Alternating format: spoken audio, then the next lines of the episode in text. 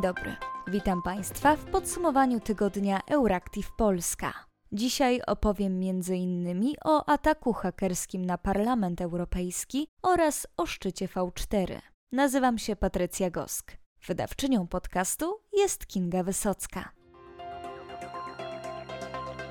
23 listopada Parlament Europejski przyjął oczekiwaną rezolucję w sprawie uznania Rosji za państwo sponsorujące terroryzm. Za przyjęciem rezolucji zagłosowało 494 europosłów, w tym cała polska delegacja. Od głosu wstrzymało się 44 eurodeputowanych, a 58 zagłosowało przeciwko.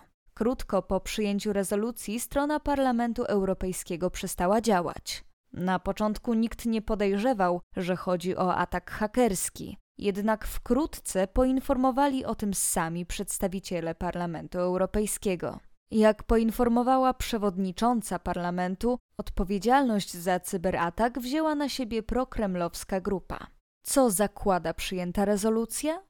Kompromisowym projekcie rezolucji Parlament wyraził niezachwiane poparcie dla niezależności, suwerenności i integralności terytorialnej Ukrainy w jej granicach uznanych przez społeczność międzynarodową. Europarlamentarzyści domagają się też zaprzestania wszelkich działań wojskowych sił rosyjskich w szczególności ataków na tereny mieszkalne i infrastrukturę cywilną, oraz wycofania przez Rosję wszystkich sił zbrojnych i sprzętu wojskowego z całego terytorium Ukrainy.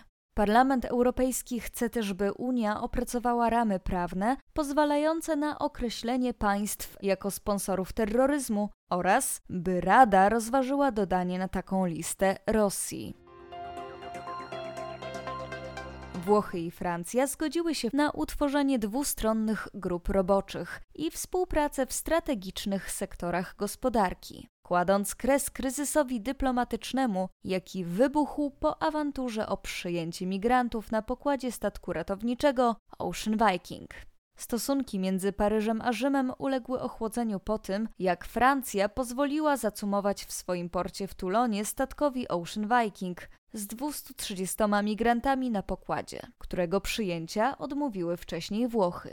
Odbyliśmy długą, serdeczną, a jednocześnie szczerą i konkretną rozmowę. Powiedział włoski minister przedsiębiorczości Adolfo Urso po spotkaniu ze swoim francuskim odpowiednikiem Brunonem Le Maire na marginesie środowego spotkania ministerialnego Europejskiej Agencji Kosmicznej w Paryżu. Obie strony porozumiały się w sprawie stworzenia grup roboczych, które pomogą zidentyfikować potencjalne obszary współpracy i możliwości. Ministrowie rozmawiali o wyzwaniach dla europejskiej polityki przemysłowej i innych ważnych kwestiach omawianych obecnie na forum Unii. Przedmiotem dyskusji był także kryzys energetyczny, w sprawie którego Włochy i Francja mają to samo zdanie w kwestii oczekiwanych kroków Unii Europejskiej. Rozmawialiśmy o najważniejszych sprawach, na których opiera się nasze partnerstwo. Współpracy w dziedzinach motoryzacji, energetyki, przemysłu ciężkiego, o wspieraniu krajowej produkcji i handlu dobrami luksusowymi.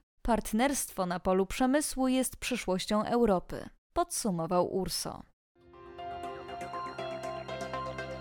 Brytyjski Sąd Najwyższy orzekł, że szkockie władze nie mogą zorganizować kolejnego referendum niepodległościowego bez zgody Londynu. Premier Szkocji oświadczyła, że znajdzie inną drogę ku niepodległości. Szkoccy nacjonaliści nie chcą jednak organizować swojego referendum niepodległościowego w kontrze do władz w Londynie. Szkocję i Anglię łączy bowiem od 1707 roku Unia Realna. Jej zerwanie nie może być aktem całkowicie jednostronnym.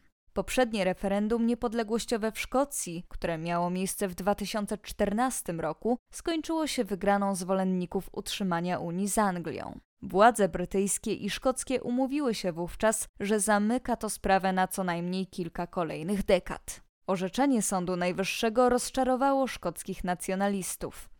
Nie zamierzają się jednak poddawać. Westminsterski establishment może myśleć, że może zablokować referendum. Ale pozwólcie mi jasno powiedzieć, jestem dziś pewna w waszym imieniu, że żaden establishment, Westminster czy inny, nigdy nie uciszy głosu narodu szkockiego, oświadczyła Sturgeon. Dodała, że dalej będzie dążyć do ponownego referendum niepodległościowego. Musimy i znajdziemy inny demokratyczny, zgodny z prawem i konstytucją sposób, poprzez który Szkoci mogą wyrazić swoją wolę, podkreśliła. Rosja po raz kolejny przeprowadziła zmasowany ostrzał rakietowy ukraińskich miast. Głównym celem była cywilna infrastruktura krytyczna. Doszło do całkowitego wyłączenia prądu w wielu miastach, zginęli także cywile. Alarm przeciwlotniczy dla terytorium całej Ukrainy ogłoszono wczesnym popołudniem. Wykryto bowiem aktywność rosyjskiego lotnictwa taktycznego uzbrojonego w manewrujące pociski. Krótko potem doszło do silnych eksplozji w wielu ukraińskich miastach, między innymi w Kijowie i Lwowie. W wyniku ostrzału doszło do niemal całkowitego wyłączenia prądu nie tylko w Kijowie oraz obwodzie kijowskim, ale także w Charkowie, Chmielnickim, Mikołajowie, Zaporożu, Dnieprze Równem i Odessie. Rosyjscy terroryści próbują całkowicie zniszczyć obiekty energetyczne Ukrainy, przekazał szef gabinetu ukraińskiego prezydenta Kyryło Tymoszenko.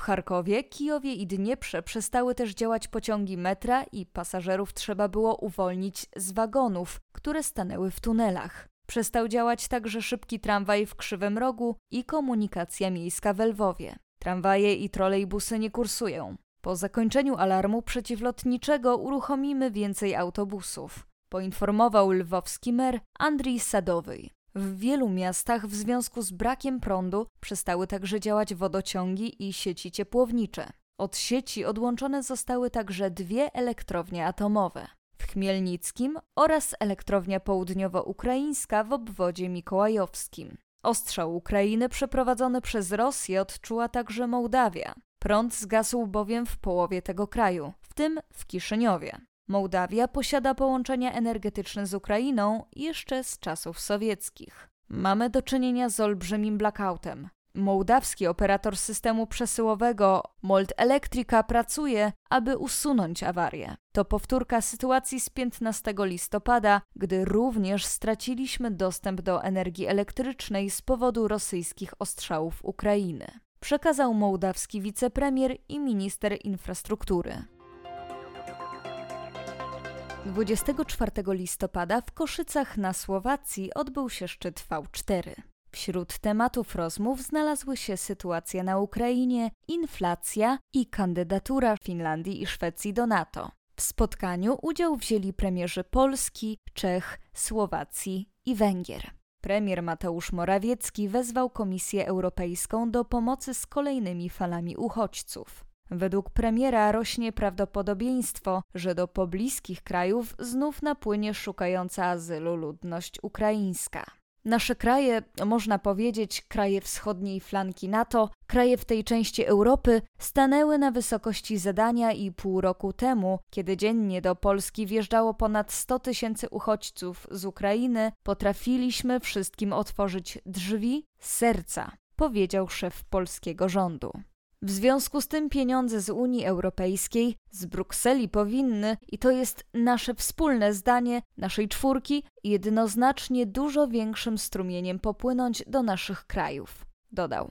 Natomiast Węgry mają poprzeć kandydaturę Finlandii i Szwecji do NATO. Są obecnie jednym z dwóch państw, które jeszcze nie wyraziły na to zgody. Zwróciłem się do pana premiera Viktora Orbana o jak najszybszą ratyfikację możliwości przystąpienia Finlandii i Szwecji do NATO. Uzyskałem obietnicę, że na pierwszej sesji parlamentarnej w nadchodzącym roku, a więc za niewiele ponad miesiąc, ta ratyfikacja nastąpi. A więc jest konkretna data, jest zobowiązanie po stronie Węgier, powiedział Morawiecki.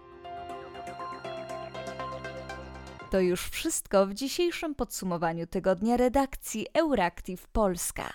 Życzymy Państwu miłego weekendu.